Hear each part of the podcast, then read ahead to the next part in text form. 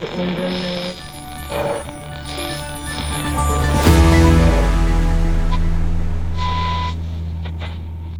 och välkomna till 6 minuter, en nyhetspodd i kortformat från tidningen Arbetaren, där vi kort sammanfattar den gångna veckan. Ni kan läsa oss på arbetaren.se och följ oss också gärna på Facebook.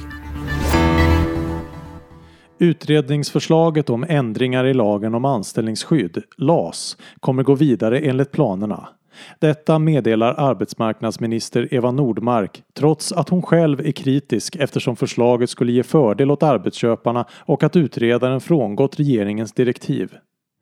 Både fack och arbetsrättsexperter har tidigare varnat för att ett genomfört utredningsförslag skulle ändra maktbalansen till arbetsköparnas fördel. Därigenom skulle utredningen bryta mot regeringens direktiv till utredaren och januariavtalet om att upprätthålla balansen mellan fack och arbetsköpare. Jag kan konstatera att den inte lever upp till kravet på att balans mellan parterna ska upprätthållas, säger ministern till DN. Utredningen skickas nu vidare till remissinstanserna enligt plan med förhoppning att få med sig justeringar tillbaka. Både Centern, Liberalen och arbetsköparorganisationer har tagit emot utredningen med varm hand. Varken Svenskt Näringsliv eller medlemsorganisationen Almega delar kritiken om att LAS-utredaren Gudmund Toijer skulle ha frångått direktiven. Efter 35 års anställning på samma företag sparkades processoperatören Nijat Ritzvan för att han enligt arbetsköparen hade tagit för lång fikarast. Det är tidningen Arbetet som rapporterar om fallet med 59-åriga Nijat Ritzvan som tidigare i våras sades upp från företaget Axo Nobel Industrial Coating i Malmö. Efter uppsägningen kopplades IF Metall in och ogiltigförklarade uppsägningen. Efter förhandlingar hamnar fallet nu hos Arbetsdomstolen.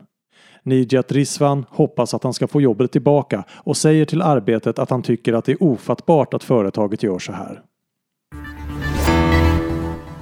I Centralamerika har minst 26 personer omkommit i den tropiska stormen Amanda som under de senaste dagarna dragit fram över delar av Centralamerika. Samtidigt fruktar nu många följderna av de kraftiga regn som väntas komma efter att stormen lagt sig. Värst drabbat är El Salvador med 20 identifierade döda. Men också i Honduras och Guatemala har människor omkommit i ovädret. Tusentals bostäder har förstörts och nu fruktar många regnet som spås komma i stormens spår.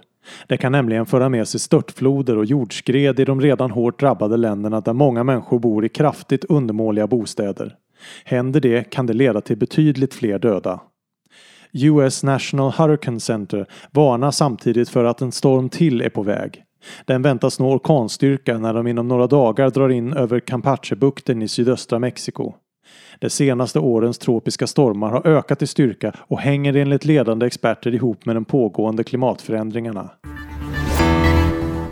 Protesterna i USA har gått in på sin andra vecka efter att George Floyd dött under ett polisingripande. Något som tolkats som ännu ett bevis på en djupliggande rasism i det amerikanska rättsväsendet. Missa inte vår poddspecial om protesterna. Och nu över till sista ordet med Annie Hellqvist. LAS-utredningens förslag innebär en slagsida till arbetsköparnas fördel och bibehåller inte balansen mellan arbetsmarknadens parter. Det går därför emot januariavtalet, menar arbetsmarknadsminister Eva Nordmark och får medhåll av statsministern. Men januariavtalet går också emot januariavtalet. Avtalet är resultatet av en maktkamp där Socialdemokraterna la sig förhållandevis platt för att kunna knipa regeringsmakten. För att landa i en text som de fyra partierna kunde komma överens om blev texten därefter. Otroligt motsägelsefull. Januariavtalet är dokumentet som i punkt 4 utlovar minskade ekonomiska klyftor men i punkt 5 vill sänka skatten för de som tjänar mest. Det är dokumentet som vill minska klyftorna mellan olika bostadsområden men samtidigt införa marknadshyror. Något som istället kan spä på boendesegregationen. LAS-utredningen har inte följt direktiven, säger Eva Nordmark nu. Men direktiven var omöjliga att leva upp till. De hade lika gärna kunnat skriva kakan ska både behållas och ätas upp. Om Eva Nordmarks förvåning över slagsidan i förslagen inte är ett spel för gallerierna så är det ren dumhet. Mm.